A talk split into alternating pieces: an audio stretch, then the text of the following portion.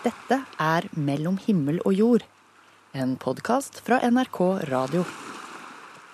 Kjære venner, da er årets julaften tilbakelagt. Vemodig for noen at det er et år til neste gang, til stor glede og lettelse for andre.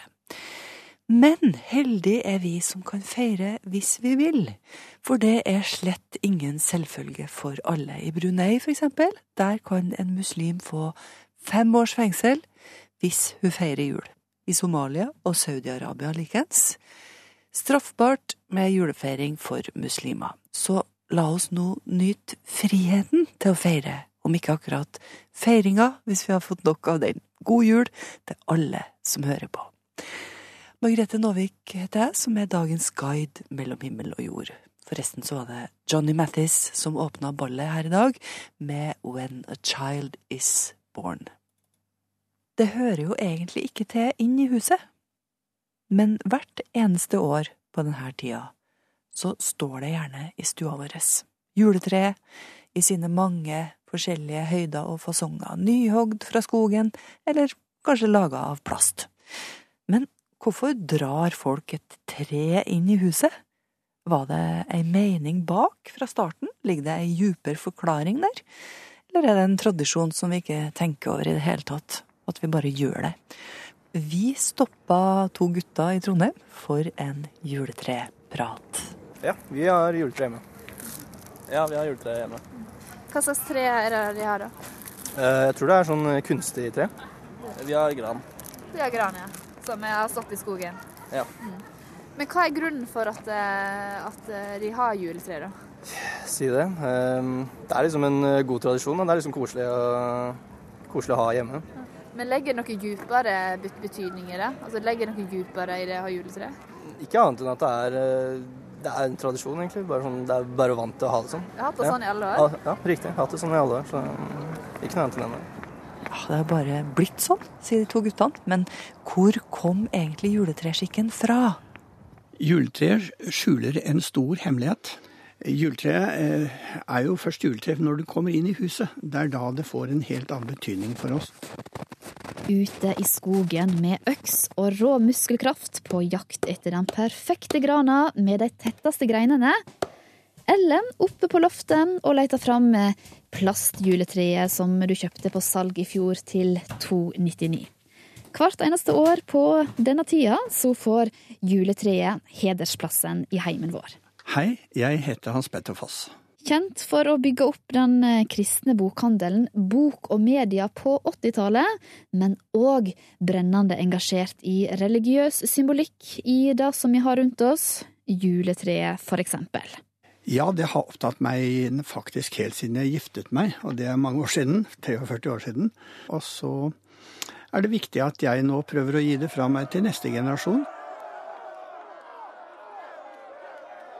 Tyskland 1517. En religiøs omveltning deler Europa i to. På den ene sida så står katolikkene, på den andre sida så står de nyfødte protestantene som har lyst til å lage sine egne juleskikker. Ja, Luther i seg selv, 1517, han var jo ikke så veldig opptatt av å forandre på skikkene. Eh, Det var mer hans eh, likesinnede som, som da begynte å, å ta avstand fra en del av de katolske skikkene, som eh, julespill og, og julekrybb og andre ting. Og så eh, ønsket de å lage sin egen tradisjon, egne skikk. Og det var da juletreet kom inn i bildet. Protestantene de går til Bibelen for å få inspirasjon, og slår opp og stanser opp ved Lukasevangeliet, der Jesus omtaler seg sjøl som livets tre. Han er altså et, et eviggrønt tre. Og når du hugger dette treet fra roten sin, så hugger du jo symbolsk Jesus fra sin rot, Gud. Og det er først når Jesus kommer inn i hjertet ditt at han får en helt annen betydning. Akkurat som vi tar treet inn og kaller det et juletre i våre hjem. Du tar rett og slett Jesus med inn i huset. Det er det som er eh, den egentlige tradisjonen og, og symbolikken ved juletreet. Mm. Og, og, og, og katolikkene, helt på slutten av 1800-tallet, kalte de jo juletretradisjonen fra protestantene for eh, Tannenbaum-religionen. Eh, Så det var klar avstand her mellom de to eh, retningene innenfor den kristne tro. I dag så pynta vi juletreet med glitter, flagg, glasskule, plastkule, korger, ja, og alt annet som ungene lager på skolen. Det opprinnelige treet i Tyskland hadde stjerna i toppen, som skulle symbolisere Betlehemstjerna, og juletrefot forma som et kors. I tillegg så var det tre andre viktige gjenstander på juletreet. Det ene var et eple. Og eplet var symbol på synden som kom inn da vi åt av den frukten som vi ikke skulle spise av, i paradiset. Og da måtte Gud drive oss ut av paradiset, slik at ikke vi med kunnskapen om godt og vondt fikk et evig liv. Det andre symbolet som var på juletreet, det var levende lys. Og som vi bruker i dag, men kanskje litt mer elektrisk. Og lyset, stearinlyset, har faktisk også en symbolikk, en veldig flott symbolikk. For når du tenner på et stearinlys, så gir det seg selv for at vi skal få lys og glede. Og det er det, derfor Jesus kom. Jesus kom for å gi oss lys og glede ved å gi seg selv. Og det siste symbolet som var på denne, dette juletreet i Elsas, eh, det var faktisk oblater, altså eh, nadværbrød, som vi bruker når vi går til nadvær. Og hva var det symbol på? Jo, det var symbol på nåde og tilgivelse og opprettelse av paradiset på ny ved at vi spiste hans brød og hans legeme og, og, og drakk hans blod. Hvordan pleier du å pynte juletreet ditt? Oi! Jeg må si at eh, vi har pyntet juletreet slik som vi gjorde etter vi giftet oss. Eh, og da hadde vi eh, Vi hadde selvfølgelig stjerner, vi hadde korsfot. Eh, og så hadde vi lys, og så hadde vi broderlenker. Og så var det fisker og lenker og kurver og alt dette andre som, som også kan ha relasjoner til, til bibelske symboler. Mm, men du har altså ikke tatt med alt eh, det som en eh, hadde i, eh, juletreets begynnelse, eller juletreets fødsel, kan du si. Nei, ikke hjemme. Det har jeg i bokhandelen som jeg nå har kjøpt. Der viser jeg både jule, jule, julekrybben i full størrelse og juletreet. For å fortelle de to tradisjonene. Og nå har vi ikke lenger behov for å krige med hverandre, nå må vi samarbeide. Jo, det går an å være venner sjøl om vi har forskjellige juleskikker, sier Hans Petter Foss. Skulle nå bare mangle da. men mens katolikkene altså slo ring rundt julekrybba, så pynta protestantene juletreet etter reformasjonen. Og juletreet, det står jo der like støtt i dag, sjøl om du kanskje tar treet i hus av andre grunner. Reporter var Camilla Kjønn Tingvoll. Like før jul så var jeg hjemme hos et ektepar i Åsen i Nord-Trøndelag. Tidlig på 90-tallet så mista Torbjørn og Bergljot den eldste dattera si i ei bilulykke. Da de fikk telefonbeskjed fra USA hvor Bodil var på utveksling, så mente de at de hadde fått et forvarsel. For et par uker tidligere så hadde Torbjørn et syn som han satt i forbindelse med Bodils død. Torbjørn og Bergljot forteller straks. Du hører Mellom himmel og jord i NRK P1.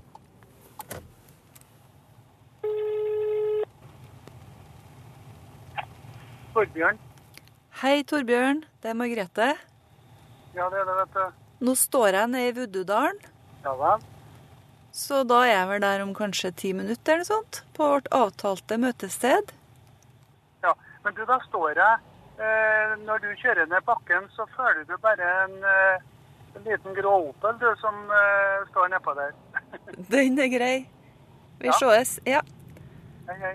Det er flere år siden Torbjørn ringte meg første gang fordi han har en historie han har lyst til å fortelle. En dag han lå i senga på soverommet sitt, så dukka det opp en skikkelse nede fotenden. Plutselig. Torbjørn og kona Bergljot er sikre på at det her var mora til Jesus, Maria. Vi har hatt kontakt innimellom i noen år, Torbjørn og jeg, og han har eh, avlyst møtet, for det her er ikke noe lett å snakke om for han. Han er ikke typen til å stille seg opp på scenen og si 'se på meg'. Men nå så har han bestemt seg. Så nå er vi her, ute på bygda i Nord-Trøndelag. Torbjørn Aune. Ja, Margrethe. Ta med bilnøklene, kanskje? Det er vel ikke noe Du mye trenger farlig? ikke å ta ut dem. Det er det en fredelig verden. OK, jeg stoler på deg. Ja da. Den gamle gården ligger øverst i en bakke. Her er det ingen som bor, eller? Nei. Ja, du vet, en har verden og tida stått stille, vet du, så Ja. det er ikke noe mye å vise av, nei. Nei, men det spiller ikke noen rolle, det. sjø. nei. Det er radio. Hit flytta Torbjørn Bergljot og de fire ungene i 93. Og så bodde vi hen da til et eh, ja, trekvart år. Og så på mellomtida da, så mista vi hun Bodil, dattera vår. Og da ble liksom eh, alt så meningsløst. Ja. For vi trodde vi skulle reparere den uh, Trønderlåna og, og sånne ting, men eh, så ble det ikke. Det er en hustrig desemberdag. På tunet er det helt mørkt, men det lyser opp fra ett eneste vindu. Det er i dette rommet Torbjørn skal fortelle sin historie. Historien om da han fikk et forvarsel, Det var lavt under taket. sånn som han ser det i ettertid.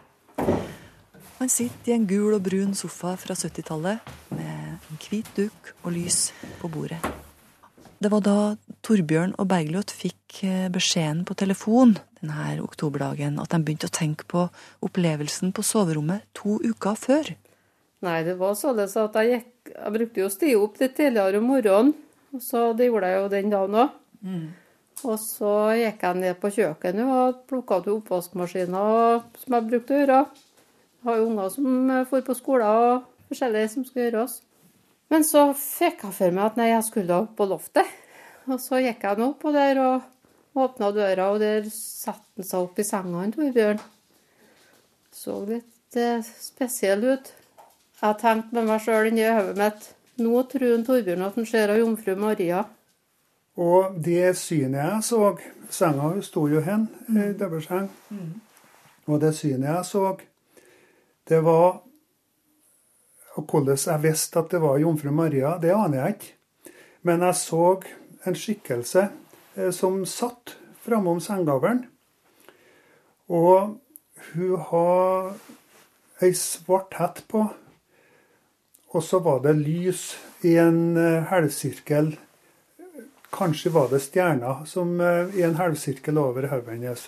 Men det jeg kommer spesielt høy, det var at hun har så inderlig godt smil. Og så kommer jeg det den svarte hetta. Ja. Ja, det var helt veldig merkelig. Sånn merkelig atmosfære.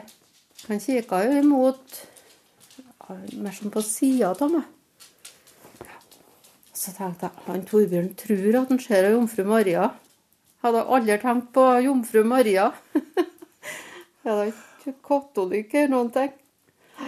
Og så gikk jeg ned igjen, og når jeg gikk ned lofttrappa, da flira jeg litt for meg sjøl. Så tenkte jeg når han kommer ned i fjøset, da skal jeg spørre om han har hatt besøk på rommet sitt. For hvor kom den tanken ifra? Det var helt fjernt. Men kom ned i fjøset, så da har glemt over. Og Torbjørn kom dit, og vi snakka om vanlige ting. Ingen snakka om dere. De følelsene jeg hadde Jeg kommer ikke spesielt én ting som har fulgt meg helt eh, siden vi opplevde denne. Det var det at eh, om denne stunda som jeg så på jomfru Maria, varer i ti sekunder eller eh, 50 år Altså, jeg har en opplevelse av at tida var borte. Ja. Tid og rom var med på et vis eh, opphørt og eksistert. Ja, det var en annen dimensjon som jeg fikk besøk av. Og så gikk det kanskje to eller tre uker, og så mista vi veita vår. Og da sier Torbjørn det at Men vet du, sa han, det er jo ikke noe rart at det skjedde noe, for jeg har jo besøkt av jomfru Maria. Så sa jeg, vet du, det, der var jo jeg òg. Nei, det går ikke an, sa han. Det var du da ikke. Så akkurat der og da det var, det var naturlig på et vis, men det var jo helt absurd. Men altså, sjøl enda da så trodde ikke han at det, var, at det kunne gå an at jeg òg var der. det, nei, det, var, det er jo helt tullete.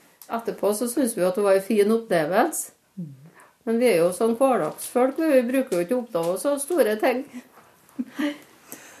Så det var veldig rart. Det her skjedde to ganger denne morgenen. Og både Torbjørn og Bergljot sier at de har knapt tenkt på jomfru Maria før, men at begge tenkte at det var hun som var på besøk på soverommet denne dagen. To uker seinere så døde eldstedattera Bodil, og på et eller annet vis så tenkte de begge at de her to hendelsene hadde sammenheng. At det var et slags forvarsel.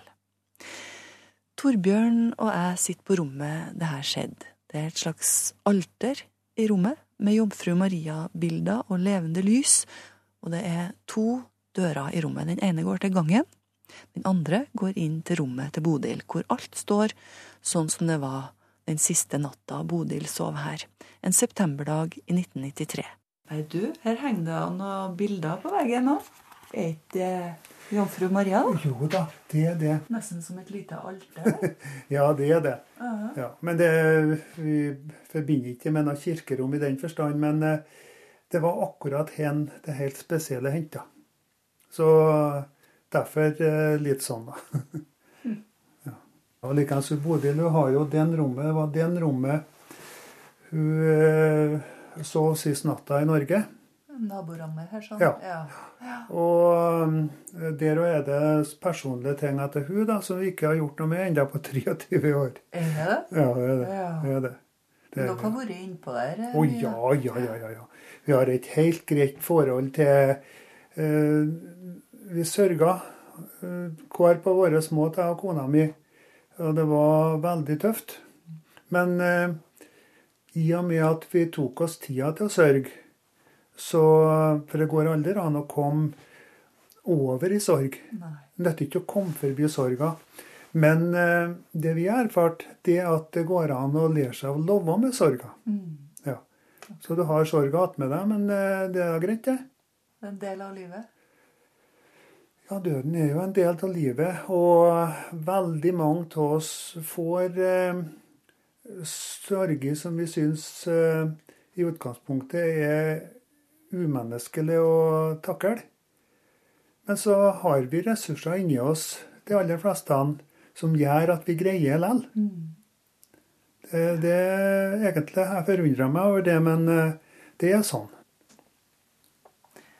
Men nå spør jeg deg om en ting, så må du si ja eller nei. Ja, Kan vi gå inn på rommet til Bodil? selvfølgelig Kan kan vi vi det. det? Ja, ja, ja. ja. Det kan vi, ja. Det er jo litt dårlig med lys. Skal vi ta med dette her, da? Talglyset? Kan vi det? Ja. ja. Det var det. Så her står det sånn som hun for fra det når hun reiste til USA. En, ja da. En lå av Bodil sist natta. Ja. Natt til den 23. september, når hun for, eh, fløy til Boston Mm. i Massachusetts. Ja. Og så kom jo den påfølgende begravelsen. Ja. Og det står jo blomster igjen etter, oh, ja, etter begravelsen. Det gjør det, ja. Ja. Og så er det et bilde av det her. er bildet av. Bodil, ja da. Med sløyfe i håret Med sløyfe i håret. og matroskjole. Ja, ja. Mm. Veldig spesiell veit, syns vi, da. Pussefrakken hennes. Her er hun opp til to, da. Hun har tegna sjøl. Ja, hun var veldig flink til å tegne. Russ 1993. Ja, Det var 19,5 år når hun døde. Nye OL-symbol. Så står det en fyr her med flaske. Ja, Ja. ja, er så. En sånn strekmann. strekkmann. Ja. Du, hun var jo kjempeflink til å ja, hun var veldig flink. Hun var eh, uvanlig eh, begavet på akkurat det. Ja. Og så er det jo litt tungt, da, for hun begynte jo å få små ting av hun altså for å samle glass og kopper og litt sånt. da. Hun begynte å samle til Ja. videre i livet. ja, ja. så ble det ikke noe av. Det ble ikke noe av det. Så det, tida stoppa liksom eh, på det viset òg. Nei, tusen takk. Det var fint at jeg fikk bli med inn hit. Ja, men eh, det var fint for meg òg, det. Ser ut som dere har et sånn greit forhold til dette her, må jeg si. Ja, vi har jo fått det, da. Men det er klart det at han gjør seg sine tanker. For hun, Bodil hun ble jo drept i trafikken nede i USA. Og jeg tenkte eh, noen ganger hvorfor kunne ikke ei eller annen makt gjort at du kunne ha vært ett minutt seinere? For da har ikke truffet den store lastebilen. Og jeg kan ikke fatte og begripe at det er noe god makt som vil at vi skal miste ungene våre. Men til alle tider så har jo folk mista ungene sine. Mm. Bare gå til bygdaboka, det, så treffer jeg at hele familiene og ungene deres har blitt utradert. Ja. Når vi får ei stor sorg, så personligheter har vi jo med oss fra før. Således at uh, vi velger egentlig ikke hvordan vi takler heller. For uh, vi er jo prisgitt. eh, noen er åpen, noen er lukket. Så du tenker ikke at du er spesielt flink? Du Nei. tenker at du er Nei. heldig, da? Heldig. Ja. Heldig. Absolutt. Og vi ga hverandre tida til å sørge som vi ville. Jeg er ikke noe sånn uh, at jeg fant noe trøst til noe kollektiv uh, gråt og sånt. Jeg måtte sitte inne i traktoren.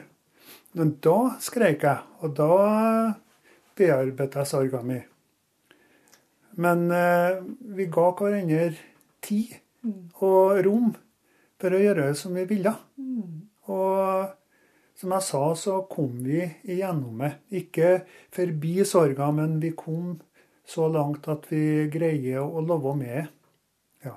Og faktisk, det mest gunstige har vært at det ikke har hendt. Men når det først hendte det som skulle hende, så har vi på noe vis kommet styrka gjennom det. Sier altså Torbjørn Aune, som sammen med kona Bergljot hadde denne spesielle opplevelsen på soverommet den oktoberdagen i 1993.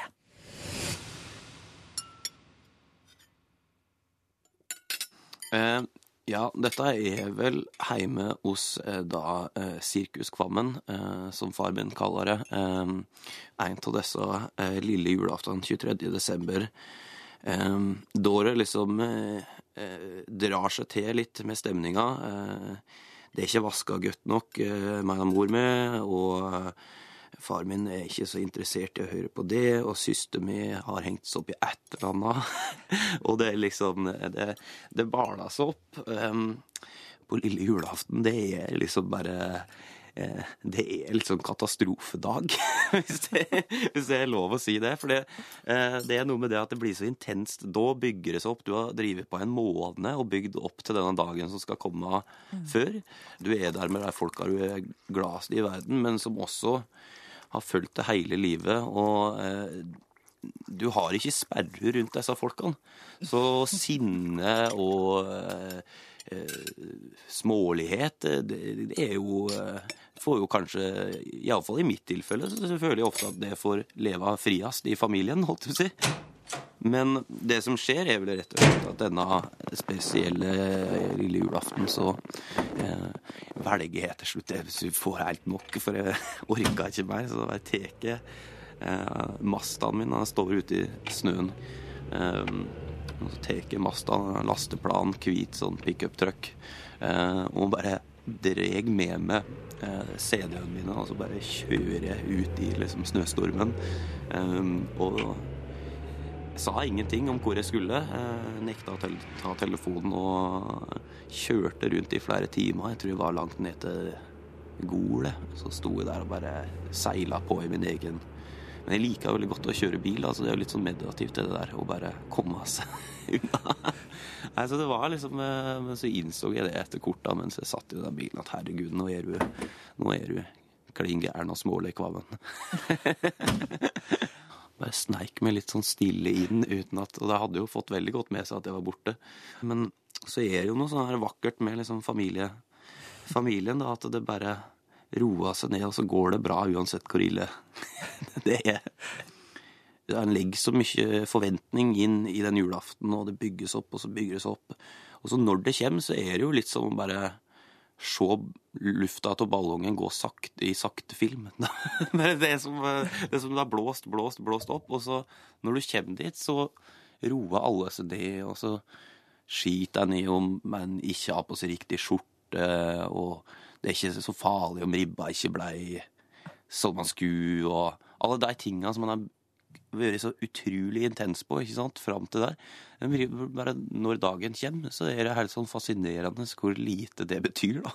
Så jeg tenker ofte at det, det er bra det at det, det river litt hardt eh, på toppene innimellom. NRK P1. Hvordan er det å veksle mellom den trygge tilværelsen her i Norge og livet i katastrofer og krig? Det er jo en del nordmenn som reiser ut og hjelper til der det er behov for det. Trygve Thorsson han sier at det er vanskeligere å komme hjem etter en sånn tur enn å reise ut. Leger uten grenser er en av organisasjonene som gjerne blir igjen når det blir for tøft, og når de andre trekker seg ut. Han har jobba for dem i noen år, og sier at det er frustrerende å se på at så mange kriger rett og slett blir glemt. Sykehuset som ble bombet i natt, tilhørte Leger uten grenser. De sier at angrepet kostet livet til minst 14 pasienter og ansatte. Tre Angrepet skjedde like etter klokken to i natt mot sykehuset som Leger uten grenser driver i Kondus. Ifølge Leger uten grenser så var det vedværende bombing mot sykehuset. Det ble truffet flere ganger. Ble... Minst 11 personer ble drept og 19 såret i et luftangrep mot et sykehus i Sanaa, hovedstaden i Jemen i dag. Det opplyser organisasjonen Leger uten grenser. Slike nyhetsmeldinger hører dessverre hverdagen til. Helsearbeidere og de de er satt til å hjelpe, blir i større og større grad selv mål for terror. En av de hjelpeorganisasjonene man oftest finner i de mest utsatte områdene over hele verden, er Leger uten grenser. En av de norske hjelpearbeiderne, Trygve Thorsson, er akkurat kommet tilbake etter tre år i felt i Kongo, Tsjad og Jemen, til en ny jobb i organisasjonens kontor i Oslo. Han ser på det å opplyse om såkalte glemte konflikter som viktig. Hør bare her på en video han har lagt ut på Facebook på vegne av Leger uten grenser. Det er frustrerende å komme hjem til Norge og se hvor lite vi snakker om Jemen. I oktober 2015 ble et av våre sykehus bomba. Siden da har tre til blitt angrepet. Siden mars 2015 har vi behandla ca. 50 000 krigsskadde personer. På sykehusene våre får vi inn barn som har gått på landminer og mista beina. Barn som har blitt skutt, og som har stygge, åpne kutt og bruddskader etter bombeangrep. Og det er veldig frustrerende at vi ikke snakker mer om det. Færre dør når flere vet. Taushet er dødelig, færre dør når flere vet. Det er et slags mantra som dere har, så informasjon på sosiale medier er viktig for dere, som vi hørte i denne videoen 110 sekunder om Jemen. Sosiale medier er veldig viktig for oss uh, for at vi kan vi kan kommunisere direkte. Da det er en måte for oss å f.eks. skape oppmerksomhet om, om, glemte kriser på, som kanskje ikke blir dekka så mye som, som vi syns det bør i tradisjonelle medier. Og da, da kan sosiale medier være som Facebook, uh, Instagram, Snapchat uh, Vi er i, i veldig mange kanaler og prøver på det. Hva er spesielt med Jemen, for det er jo et land vi hører relativt lite om i, i nyhetsbildet. Hvorfor er dere der inne? Siden i fjor så, så har det vært eh, krig. Eh, en krig som, som, eskalerte veldig i mars eh, 2015. Da en koalisjon ledet av Saudi-Arabia begynte flyangrep. Etter det eskalerte det veldig. Da rett etterpå Rett etter flyangrepene begynte, så, så, evakuerte alle humanitære organisasjoner og FN alle sine internasjonalt ansatte fra Jemen. Uh, alle da bortsett fra Røde Kors og oss i Leger uten grenser. Uh, og de har jo gradvis etter det kommet tilbake, men det er fortsatt veldig, veldig store behov i Jemen for, for, mer nødhjelp. Vi driver åtte sykehus og støtter 15-16 andre, tror jeg. Vi, vi, har ganske store operasjoner i Jemen per nå. Det er et av de største, største prosjektene våre på verdensbasis, faktisk. Og har eh, ganske omfattende prosjekter i, i, flere deler av Jemen, på, på begge sider av frontlinjene. Mange av de som tjenestegjør for Leger uten grenser, risikerer livet hver dag, og mange er de som er blitt drept under utførelsen av sitt arbeid. Det er jo veldig trist når sånt skjer, selvfølgelig. Det preger jo hele, hele teamet. Men vi har, til sammen så har vi mista fire Leger uten grenser-ansatte i, i løpet av krigen. Det er jo få av alle de sivile som har blitt eh, enten skada eller, eh, eller drept. Men hvordan er det så å komme hjem fra oppdrag hvor man har arbeidet i lang tid under krig og katastrofe, og så tilbake til fredelige Norge? Det å komme hjem er noe som For meg så har det vært enda vanskeligere enn å reise ut. Så det omvendte kultursjokket som man kan få når man kommer hjem til Norge, har jeg i hvert fall opplevd som egentlig sterkere enn det kultursjokket man får når man reiser ut. Eh, For det er noe med at man, man tror at man vet hva man går til, men så når man, når man kommer hjem, så virker alt så veldig fremmed allikevel, sammenligna med, med sånn det er der du har vært. Eh, Så, så handler jo det om også om det her med mening, da, tror jeg at man engasjerer meg i Leger uten grenser og tar, tar oppdrag ute. Mye på grunn av at jeg vil gjøre noe som står for meg som meningsfullt. Og når du da kommer tilbake til Norge og skal prøve å på en måte ja, ta, opp, ta opp trådene her og At livet, livet går sin vante gang her, så er, det jo kanskje Kan det være vanskelig å på en måte finne, finne mening i alt som, alt som skjer her, sammenligna med hvordan det har vært eh, ute. Men nå har du eh, foreløpig eh, tatt til takke igjen med en stasjonær jobb i Norge i Leger uten, uten grenser. Ser du for deg at du kommer til å, å reise ut igjen i felt? Ja, det, det tror jeg ikke det er så stor tvil om. Det er i, i felt ute i prosjektene våre at vi faktisk jo da ser med egne øyne og, og, og også kan, kan bidra til sjøl det vi faktisk det det faktisk handler om i Leger uten grenser, og det er pasientene våre. Det har jeg veldig lyst til. Selv om jeg nå nettopp har kommet hjem, så skulle jeg gjerne, gjerne reist ut igjen ganske snart. Så det, det tror jeg ikke det er noen tvil om, at, jeg, at det kommer til å bli flere, flere oppdrag. Ja, Det sier Trygve Thorsson, som er humanitær rådgiver i Leger uten grenser. Og reporter her var Jan Rye Ravnestad. Ikke bare er det første juledag i dag, vi er også inn i den jødiske høytida hanukka. I går så tente familien Paltiel i Trondheim det aller første lyset i kandelaberen sin, eller menoraen som det heter på hebraisk. I dag så tenner de det andre, i morgen det tredje, osv. Fram til de lar alle lysene brenne på lille nyttårsaften. Feiringa er flytende, altså det er ikke på samme tid hvert år. Men nå er familien Baltiel i gang. De lager lakkes hver dag. Hvor mange poteter vil du ha? Mor og datter, Hanne og Lise, kverner pepper og river potet i en glasskål.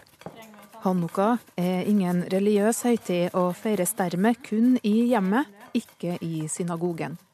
Maten er noe av det viktigste med denne høytida for Lise, som ikke er en troende jøde. Jeg gleder meg hvert år til latkes. Det er det vi lager akkurat nå, som da er raspa potet og løk og salt og pepper. Eh, og så tar man og steik, og egg, selvfølgelig, og så steiker man det i olje. Eh, og så spiser man det med rømme eller med syltetøy, da. Etter man har stekt dem, så er de litt sånn crunchy og god. Eh, så for meg er det her høydepunktet hvert år, når mamma lager det. Ta det som er viktig å ha nok. Hanne heller olje i en svart jerngryte. All maten til hanukka friteres i olje for å minnes oljemiraklet i det gamle tempelet i Jerusalem. Her sto det en sjuarma lysestake som alltid var tent, men tempelet ble tatt i 164 eller 165 før Kristus. Eh, og da var det en gruppe som het makaberene, som da skulle prøve å få tilbake tempelet, og det klarte de etter hvert, etter noen år. Eh, og da, når de kom tilbake til tempelet og fant den her syvarma lysestaken, eller menoraen, så hadde de ikke nok ren olje til at den skulle lyse hele tida. Og da måtte de ut og lage ny olje. Og én dag, to, tre, fire, fem, seks, sju, åtte. Og på den åttende dagen når de kom tilbake, så lyste fortsatt den her syvarma lysestaken. Og det syns man var et så stort mirakel at det måtte man feire. Så det er grunnen til at man feirer da hanukka i åtte dager. På grunn av det her oljemirakelet. Og det er derfor man også spiser oljete mat.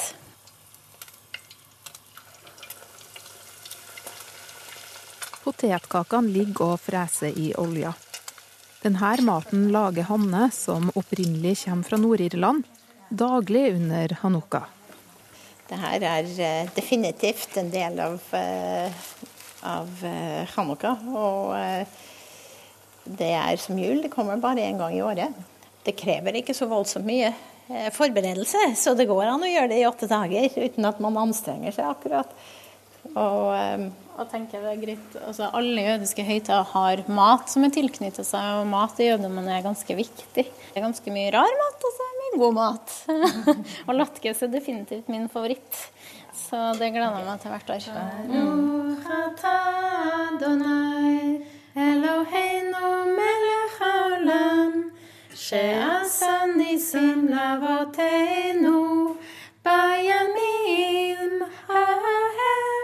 av de åtte dagene hanukka varer, tennes et lys i en spesiell lysestake mens man synger en bønn. For det her er også en lysets fest på den mørkeste tida av året. Selv om Lise, som er i starten av 30-årene, ikke er troende, vil hun ta vare på de jødiske tradisjonene. For min del så tenker jeg at når man er en del av en liten minoritet, så blir man kanskje litt mer bevisst. Man kanskje tar mer vare på tradisjoner enn majoritetssamfunnet. Eh, Så for min del så er det viktig i hvert fall å ta vare på noen tradisjoner. Så får man se hvordan det går etter hvert. Ja, hvilke er det viktig da, å ta vare på? Eh, For min del så er hanukka kanskje den høytid jeg liker best å ta vare på, eh, eller å feire. Men samtidig så er vi har jødisk nyttår f.eks. som religiøs er kanskje ikke like viktig for meg, men at man spiser eple med honning f.eks. For, eksempel, eh, for å få et søtt og godt år. Det er litt sånn små detaljer da, som jeg liker, som jeg ønsker å ta med meg videre, i hvert fall. tenker jeg. Should we turn it off? I think, we should, I think we should take them out. Okay, yeah. They're looking very golden. Okay. Potetkakene er på vei opp av jerngryta. Lise dypper en av dem i en skål med rømme. Mm, mm, mm. Very good. Veldig godt. Reporter Lise Sørensen møtte Lise Paltiel og mammaen hennes, Hanne. Hør flere podkaster på nrk.no podkast.